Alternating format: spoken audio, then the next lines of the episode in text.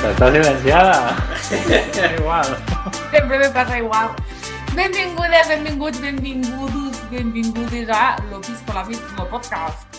Jo sóc Aina estic amb Marga Baldà i Albert López. Marga Baldà, bon profit. Moltes gràcies, Aina Benages. Què estàs menjant?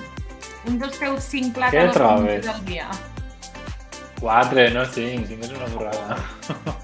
Este quin és? El tercer? Te'n queda un altre? És el quart ja. Oh! Hòstia, és ai, que avui no, S'acaba el dia. avui no pots menjar més plàtano, eh? Avui ja no. Exceso de plátano. És veritat, te pots morir per excés de plàtano? Bueno, potser perquè... no, que és superbo. Però arribarà un punt que entrarà i potser no surt, perquè el plàtano fa dur. Té potasio. Jo té crec que arriba un, jo crec que un dia que Marc consumix, o sigui, menja molts de plàtanos, o sigui, al final cagar deu sortir un plàtano tal qual, el cos deu dir, per a, per a què coi l'haig de triturar si vull dir, ha de sortir igual. Ja, ja. Albert No López, són una tant. observació abans de continuar. Canvia't la llum, que pareixes un fantasmeta. Ficat la llum grogueta. Eh, eso es. Era, era llum crepuscular. Eh, perfecte, ara Crepuscular. molt millor. Maravilloso. Meravellós. Uau. Bueno, escolteu, Pues que què no tal? escolteu cascos molt guais i jo no. Que pringada. Home, a la ràdio s'han de portar cascos sempre. Ah, doncs ara agafaré els meus cascos, algú es quedarà sense. Ah, doncs agafa'ls si vols. Què? Agafa'ls si... No se m'escolta? Ara sí. Sí, sí, Ah, sí. agafa'ls, agafa'ls si vols. Vinga. No res, pues que mira, justament jo estava, estava per aquí pegar una volteta per la xarxa, per la red, i he dit, quines notícies hi haurà esta setmana? I he pensat, a veure si m'informa Albert López. Hola. Pues no sé que... No, no, la veritat és que no estic al dia del que ha passat, no sé res. No No, no, és món un estic-. Estic desconnectat de, de la vida. Vinga, fem-nos un resumet de les, de la, bueno, de la, una de les dues notícies més importants que han passat, una... Home, que més o menys En esta última dia, setmana han passat dos coses bastant heavies. En primer lloc, lo del terratrèmol de, de Turquia i de Síria, que ha afectat un, una població, una barbaritat de persones. L'última xifra que vaig veure van ser 20.000 morts i això va ser fa una setmana, o sigui que probablement ja ha doblat la xifra fàcilment. Normalment, quan passen més dies, doncs la xifra va augmentant cada cop més. I ha sigut bastant, bastant heavy perquè això, perquè és que no, ha, no, no és que hagi afectat una zona concreta, una ciutat o diverses ciutats, sinó que ha afectat zones quilomètriques. És a dir, si ho comparem a un lloc com el nostre, seria tot Catalunya. Hi havia una carretera afectada que és com si anessis de Portbou hasta les cases d'Alcanar, hi havia una carretera totalment inutilitzable. Eh, vaig veure un vídeo també d'una una muntanya que estava totalment eh, en un boquete al mig, supergran, i bueno, els edificis és una barbaritat, tots els vídeos de, de la gent que van trobant i tal, és, és una passada. Ara ja ha passat, me sembla, quasi dues setmanes des de que va ser el terratrèmol, però me va flipar el fet de que trobessin gent viva quasi una setmana després entre, entre, tota la, entre tot el, tots els escombros i això, eh? perquè, no sé, molt, molt bèstia, la veritat. Sí, sí, la veritat és que jo he anat mirant cosetes i és, he de dir que no puc mirar molt perquè a mi aquestes coses m'afecten molt i ho passo mal, llavors intento llegir més que mirar fotos i vídeos, però sí que he estat veient també, és una, una puntualització més com una anècdoteta, que m'està fent com, com il·lusió veure la de- la d'animals que es dediquen a trobar persones. Mm. M'ha semblat una curiositat Mm. Que, que el, bueno, estan entrenats per això i es veu que estan fent una, una feina brutal de trobar, de trobar persones baix dels escombros i que lo- los oloren si estan vius i, el- i els acaben trobant, vull dir, impressionant. Mm. Només una puntualització com a, com a curiositat. Ah, està bé, està bé. Jo imatges i això tampoc ho he vist, la veritat, però a la feina som de molts de països diferents i hi ha gent que tenia família allí Oh, wow. i ens diuen que ho estan passant de Bueno, imagino. Home, una cosa que es pot fer que aniria bastant bé és aportar alguna d'ajuda, ni que sigui mínimament econòmica, perquè a la meva feina, per exemple, l'altre dia ja vam fer un esmorzar solidari per a recaudar una mica de diners i alguna persona així que segueixo i tal, de xarxes, ja han començat a fer algun tipus de- d'event per, a, per a recaudar diners i tal, perquè se veu que eh, per a recuperar tota la zona i ajudar la gent se necessita vamos, moltíssima ajuda. Bueno, esto sent bastant heavy. Sí. Crec que la, és, és putada tot en general, però per a Síria està sent un Pitjor puntet que- més heavy pel tema de, de la guerra, no? Com que no poden arribar reforços. Sí, Mm. que estan penalitzats a nivell mundial per lo de la guerra i tal. Bueno, tipo com lo que va passar... Com si ara passés algo a Rússia, que va ficar-se en guerra en Ucrània i no, no enviarien ajuda pel fet de que, hòstia, si tu estàs atacant un país, ara no t'enviarem ajuda, pues algo així.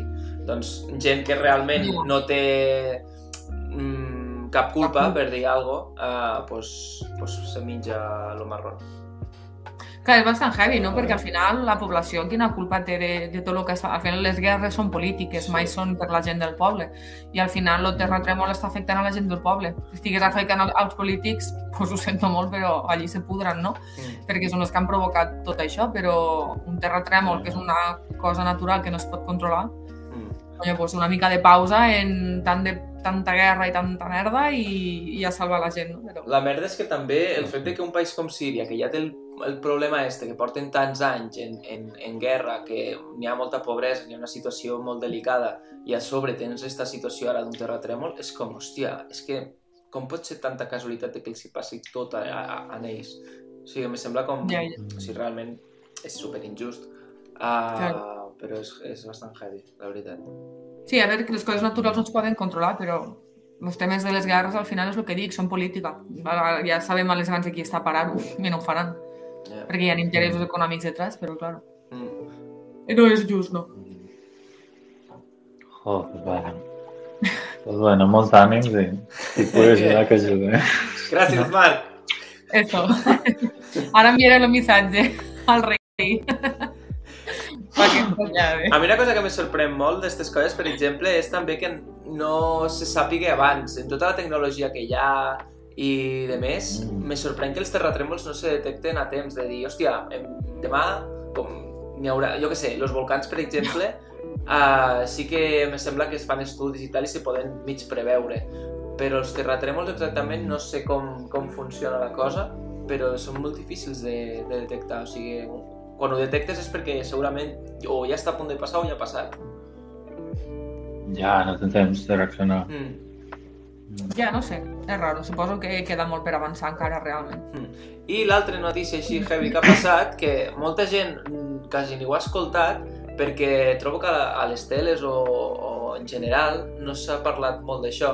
Sí que s'ha parlat molt de que últimament als Estats Units eh, s'han vist com molts ovnis que també van eh, derruir una, com se diu, una, una espècie de sonda o algo així, una espia xinesa. Un globo, era com un un globo. globo, un globo xino i tal. I últimament estan com derribant com diversos ovnis, però no han dit res de que se veu que un tren, en, com se diu, un tren tòxic se va descarrilar i va desprendre molta merda allí a, a Ohio i ho estan tapant Mm. bastant, vull dir, no es parla gent, se veu... vaig escoltar inclús que els periodistes que anaven a cobrir la zona uh, los estaven... No us la paraula. Bueno, que els deixaven gravar, bàsicament, Ostres, censurant. censurant. Sí, jo això no ho havia escoltat, la veritat. Justament abans de començar ho parlàvem i no en tenia ni idea. O sigui, pel que, pel que has explicat és bastant heavy. I en el cas el que has dit de les gallines, Sí, sí, sí, és que es van... O sigui, una xica, per exemple, dia que tenia les seves gallines a uns 10 quilòmetres de la zona afectada i que al dia següent ja estaven mortes. Uh, diu, hòstia, si les gallines estan mortes al dia següent en, est en això, ara estan a 10 quilòmetres, vull dir, no vull saber el que ens passarà a nosaltres dintre d'uns dies. Vull dir, ho comparaven quasi en, en lo de Txernòbil. Sabeu que el tòxic que ha deixat anar, lo, lo tren este, és dels tòxics més potents que n'hi ha. O sigui, és, és una barbaritat. no se sap què és exacte. Sí, uh, té un nom, però no et sabria dir. Però bueno, mira, uh, ara ho tinc aquí davant, perquè fica que... Ah, això, cloruro de vinilo.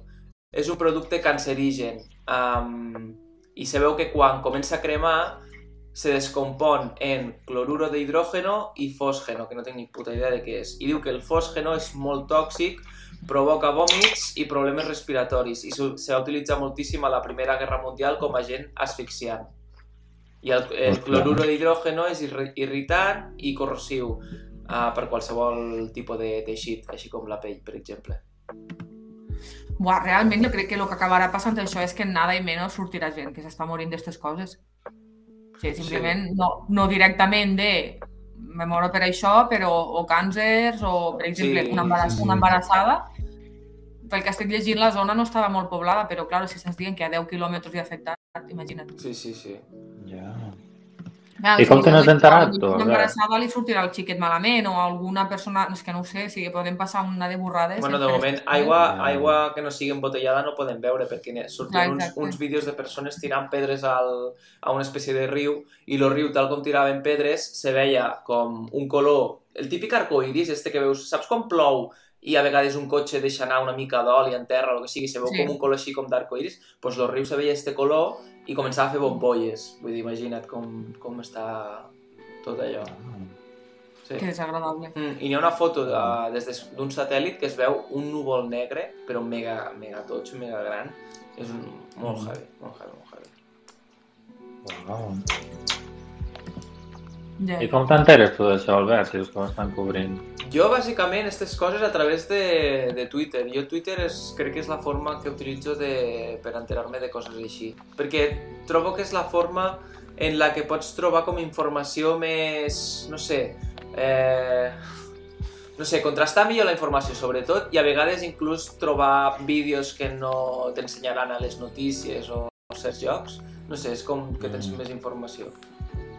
Sí, l'únic que s'ha de vigilar una miqueta, i això ho vaig a lligar en una de les coses que volia comentar avui, i és en, en la falsa informació que es pot generar. O sigui, de, me refereixo que s'ha- s'han de tenir dos dits de front per a poder-te fiar de la, de la informació de Twitter, perquè moltes vegades, més que informar, desinforma. En el teu cas te conec i sé que investigues i que no et quedes en el primer que llegixes, no? Però aquí entrava una mica que avui en dia, o sigui, el que volia comentar era sobre la precarietat eh, que hi ha en el periodisme, o sigui, periodisme precari, perquè, clar, moltes, les fonts de molta gent són les xarxes socials. I, repeteixo, en el teu cas, sé que ets una persona intel·ligent i que, que no és com, eh, jo què sé, no, te- no te creus el primer que llegixes. Mm. Però hi ha molta gent que sí. I és veritat que avui en dia, com a que crec que el periodisme s'està desvaloritzant una barbaritat, s'està donant molta importància a la informació que es dona per xarxes socials i això, també, i això pot ser, bueno, és molt dolent per a, per a la societat i més una societat com la que tenim avui que és molt innocent i molt ignorant, sobretot. Sí, i el periodisme sobretot trobo que han començat a buscar més eh, la quantitat que la qualitat, perquè Totalment. busquen més els clics que que la persona s'informe bé, perquè ha passat moltes vegades, inclús en diaris que solem llegir o en, eh, jo que sé, Fico TV3, per exemple, que és com un que tenim molt proper, Uh, tothom, tothom, tothom busca la notícia ràpida i el clic ràpid, perquè l'altre dia, uh, no sé si va ser el 324, que va haver una notícia d'última hora i tal, i ho van publicar super ràpid. Què passa? Que ho van publicar malament, no tenien suficient informació, la informació que estaven donant no era del tot eh, verídica, i al cap del rato, eh, els diaris, en general, van començar a publicar la notícia ja en tota la informació contrastada i 324 em sembla que va haver de canviar eh, el titular perquè estava eh, malament. És a dir, el que volien simplement era ser els primers i tindre el clic, però... I molta gent se queixava de, hòstia, el que esteu dient no, no és del tot cert. Vull dir, heu buscat aquí ser els primers.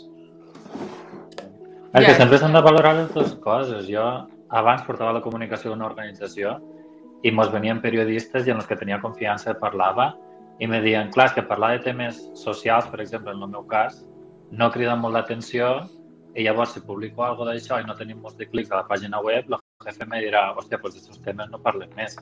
Encara que siguin molt interessants per a les organitzacions del, Mm -hmm. del món social.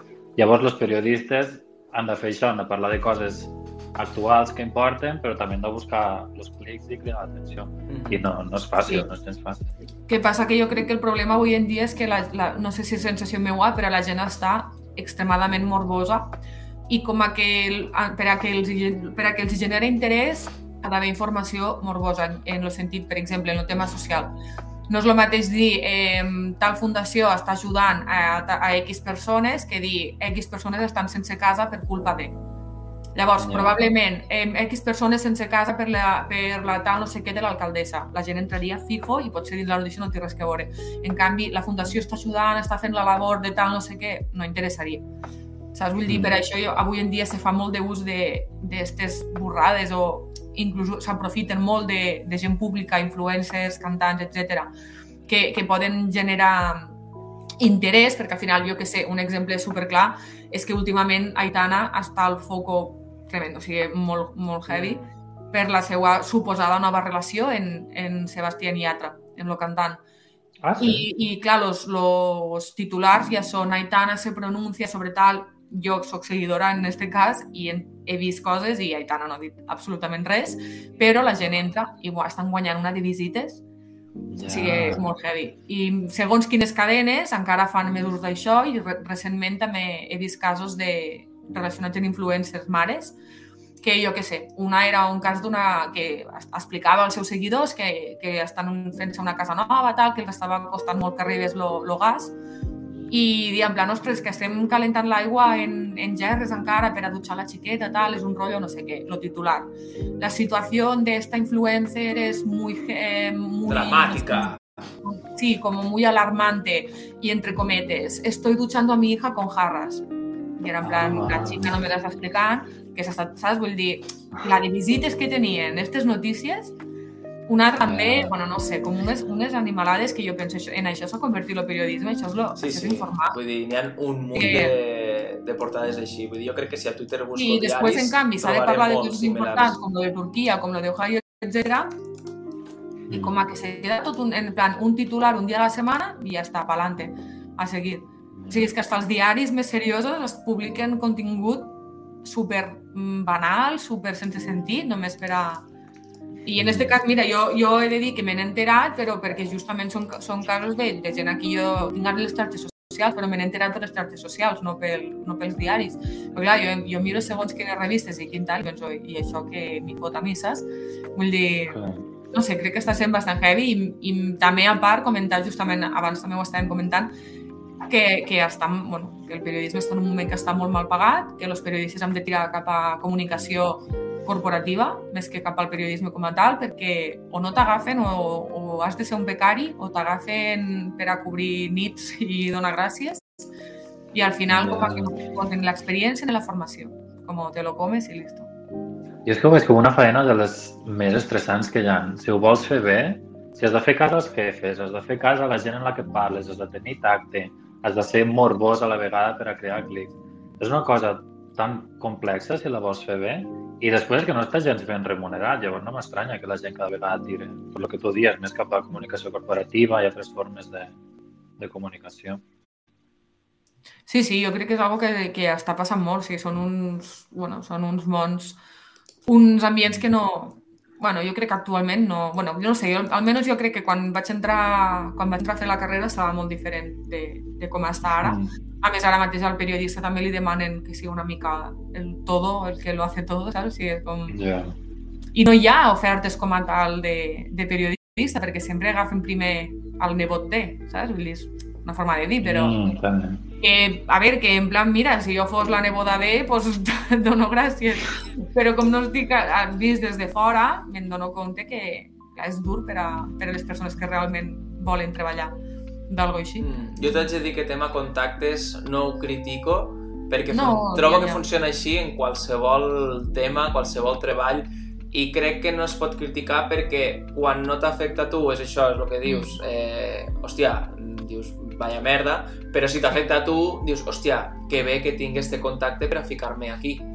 Sí, sí, o sigui, jo ho penso així també totalment, o sigui, ho compartixo, però també penso que, és, que la realitat és que és dur, o sigui, Sí, Si estem parlant d'una persona formada, ho respecto totalment. Jo conec gent que ha entrat a, a X llocs per ser fills de, però tenen la formació. Pues, ole tu, o sigui, damunt que t'has format, tens alguna d'experiència i has tingut un padrí que t'ha pogut posar a un bon lloc de feina, ole, Mm. mis dieces. Però avui en dia també hi ha molta gent que no és periodista i està treballant com a periodista. I això sí que és més heavy, perquè Mm, jo no puc posar-me a treballar, o sigui, ni puc ni, ni, ni m'agradaria posar-me a treballar d'una cosa que no em toca, però molt que me deixen, saps? Ja. molt heavy tot. Pensava que no dir alguna cosa. No, jo pensava que tu anaves a dir. No, jo anava a dir que a mi m'agradaria, per exemple, quan vaig començar la meva carrera professional, per dir-ho d'alguna manera, Mm. vaig començar una ràdio local i m'agradava moltíssim. Me, flipava la feina. Però llavors dic, hòstia, no sé si em veig fent això tota la vida, perquè jo veia el que feia la jefa en el meu cas, que era sacrific sacrificar tot el seu puto dia, parlant clar. Mm. Dic, jo ara mateix a mi no, no m'interessa. I no sé si vaig tirar més per la vessant de comunicació corporativa, perquè era més còmode, potser perquè em feia temor també, no sé, tenir una feina que, que, t'implica tant, perquè al final, des de primera hora del matí fins que te'n vas a la nit, has d'estar al dia de tot el que passa, has d'estar atent a tot, has de buscar contactes, has de parlar amb és com... Eh, és una borrada, no sé, jo trobo que la gent que ho fa bé, i torno a parlar del món social, perquè és en les periodistes que jo, que jo he tocat més, és, és super d'admirar, super d'admirar. Yeah. Sí, al final és, jo també he estat en la teva situació de, de, de mm, lloc. Al mateix lloc. Exacte, al mateix lloc. I també a la tele, no només a la ràdio. Ah, sí. I és veritat que també al ser algo local doncs no està ben pagat, és, la, és una realitat. I és molt sacrificat en el sentit de, al final, clar, jo no he estat a cap mitjà ni nacional ni, ni en el cas, per exemple, TV3 i, i tal, no he estat. No sé fins quin, quin punt de sacrificat té, però, claro, segons el lloc al que estàs, tu has d'estar disponible, per exemple. Mm, vale, ok, ja estàs de... El teu horari és de 8 a 5, però és que si, si ha passat alguna a les 10 de la nit, hi ha molta gent que li toca, bueno, pues, agafa la càmera, agafa el micro i tira per a cobrir tal cosa, saps? Vull dir, Ja. entenc que els mitjans nacionals i, com se diu, que seria TV3, un mitjà, no és mitjà nacional, Bueno, Autonòmic. Sí. autonòmic, vale. eh, tenen gent que està cobrint aquelles hores. Però, per exemple, jo sé que la, la delegació de TV3 de Terres de l'Ebre eh, són dues persones, o tres, crec. I si a les 11 de la nit hi havia un accident i s'havia d'anar a cobrir, trucaven, a les 11 de la nit havien d'anar. Saps? Vull dir, al final és donar la teua vida per la faena. I jo crec que és per això que també no m'he acabat d'aventurar mai a intentar a lluitar-ho molt, o sigui, és com que ho vaig lluitar molt poc, perquè sí que és veritat que jo reconec que en el meu cas que sóc còmoda, o sigui, a mi m'agrada tenir el meu horari, disfrutar les tardes, la meitat de la tarda lliure, les meves nits lliures i cap de setmana lliure, i això, sent un, un Mm. periodista, segons quin mitjà, no ho pots fer. Bueno, al final és una balança, eh, lo del treball. Hi ha gent que prefereix eh, tindre un treball, que tindre un horari que no li importa el, el que és, és a dir, que és igual que no li agrade. O sigui, és, tinc un horari de tal hora a tal hora, però no em toca treballar a findes ni en cap moment. Però una altra persona que li agrada el treball, doncs no li importarà, jo què sé, estar-se més hores. També diuen molt la frase esta de uh, treballa de lo que t'agrada i no hauràs de treballar mai més en la teva vida. Doncs potser aquestes persones que es dediquen a veure, clar, una persona que no li importa la seva vida personal, és a dir, que no li importa uh, un fin d'anar a tal lloc o que li truquen per la nit i tal, i és una feina que li agrada, doncs potser ho disfruta en certa manera. Tot Però jo crec que pot existir un de cada equilibri, no? Vull dir, és a dir, jo, per exemple, si jo estigués a algun mitjà que m'agrada molt, exemple, a mi m'agrada molt la indústria musical, no? Llavors jo entre setmana tinc el meu horari i tal, però potser em toca un dijous a la nit cobrir un concert, endavant. Saps? Vull dir, crec que el que falta són recursos econòmics per que els mitjans se puguen permetre gent per a cada turno. És a dir, jo puc assumir entrar a un lloc que el meu horari és de 8 de la tarda fins a les 6 del matí perquè jo estic cobrint la, que, estic cobrint la nit. O sigui, jo estic a l'avantguàrdia i estic cobrint notícies que puguen passar aquella nit. O la redacció per a tal. Ara, el problema ve, doncs, el que diem, de mitjans, quan a mitjans locals no hi ha recursos i tu, tu has d'estar allí pendent les 14 hores i passa alguna i el fin de si hi ha un event, saps? Vull dir, crec que és important trobar l'equilibri. No sé, si, no sé a quin punt depèn de l'empresa, crec que una part sí que depèn de l'empresa, però, o del mitjà, però també crec que depèn del recurs econòmic que reben per part de l'Estat o de la Generalitat. Saps? Vull dir... No sé, ja et dic, jo crec, crec que l'equilibri existeix. Sí que és veritat que jo, en el meu cas, per exemple, a mi- no em molestaria haver de cobrir algunes coses caps de setmana o nit, etc, però si fos algo puntual. Llavors entenc que hi ha gent que no li importa, que és com m'encanta tant la meva feina o m'encanta tant això que me da igual si totes les nits he d'anar, saps? Vull dir, Clar, el problema està aquí, que si també vols una comoditat, però t'agrada X cosa, i aquella cosa el que comporta és tindre un horari uh, super desordenat, clar, vol dir que potser el que estàs fent t'agrada, però no te compensarà a nivell de, de, de Clar, vida. per això estic dient lo, que crec que sí que, que pot existir un equilibri. Claro. És a dir, a mi el que no m'agrada, el que no em sembla just és que hi ha persones que tenen un horari, doncs el que estic ficant, de 9 a 5, però que després a més hagin d'estar pendents els caps de setmana i, i, les, i les nits per si passa alguna cosa. I m'he trobat en, a, en ofertes d'aquest estil. De trabajo de 8 a tal, de lunes a viernes, disponible fines de setmana. Llavors me pots Ja, posar una cosa, saps? Ara, si m'estàs dient que el meu turno és caps de setmana, vale? si realment vull, t'ho puc firmar. I si m'estàs dient que és un cap de setmana quan hi ha un festival, ok, t'ho compro perquè són tres caps de setmana a l'any, però que em posi que, que m'oferisques treballar un horari normal, una jornada completa, del dilluns a divendres i disponible caps de setmana, eh, aquí és on crec que falten recursos o falta que l'empresa tingui menys cara dura, també, perquè així se salven de pagar algú, saps? Vull dir, per això dic que depèn de l'empresa. Mm. Ja, però això és supercomplicat de gestionar, trobo, no? Totalment, sí, sí. Jo és crec impossible, que sí, perquè jo coneixo gent que ha estat super implicada a la seva feina, que és igual fer nits, fer matí, treballa 24 hores, però hi ha un moment que explotes, hi ha un moment que has de canviar, perquè mm -hmm. això no és... No pots fer-ho durant molts, molts anys. Diguem. Exacte. Sí. Sí, sí. Pues bueno, acabarem el podcast en aquestes reflexions d'actualitat laborals periodístiques, aquí los periodistas del año. Ha sigut un ha podcast una, una mica dramàtic, eh? Sí. No, una mica informatiu, no? D'actualitat. Vinga. Ho deixarem així. Pues Molt sí. bé, doncs ens veiem al pròxim Piscolabis. Ciao, Pescao. Molt bé. Ciao, Pescao. Moltes gràcies per escoltar-nos. A veure quantes persones. Avui dos i una sóc jo. Vamos! Ah, mira! Vamos a tope. Espera, que vull, vull veure reflexat un, un 3. Vaig entrar. Vinga, vinga, vinga, que fa molt que no Ah, veiem. sí. Vaig entrar. A veure quan fica el 3. En 3, em surt. 3, a mi em surt. Yeah! Uau. Vamos! Oh, moltes gràcies a ningú per escoltar-nos, ha sigut un plaer. M'encanta la frase moltes gràcies a ningú, eh? Com que, perquè, claro, perquè som nosaltres mateixos els millors espectadors del món. Totalment. Ja. Molt bé, doncs adéu, anem a tancar, vinga, pantalla. Ciao, ciao.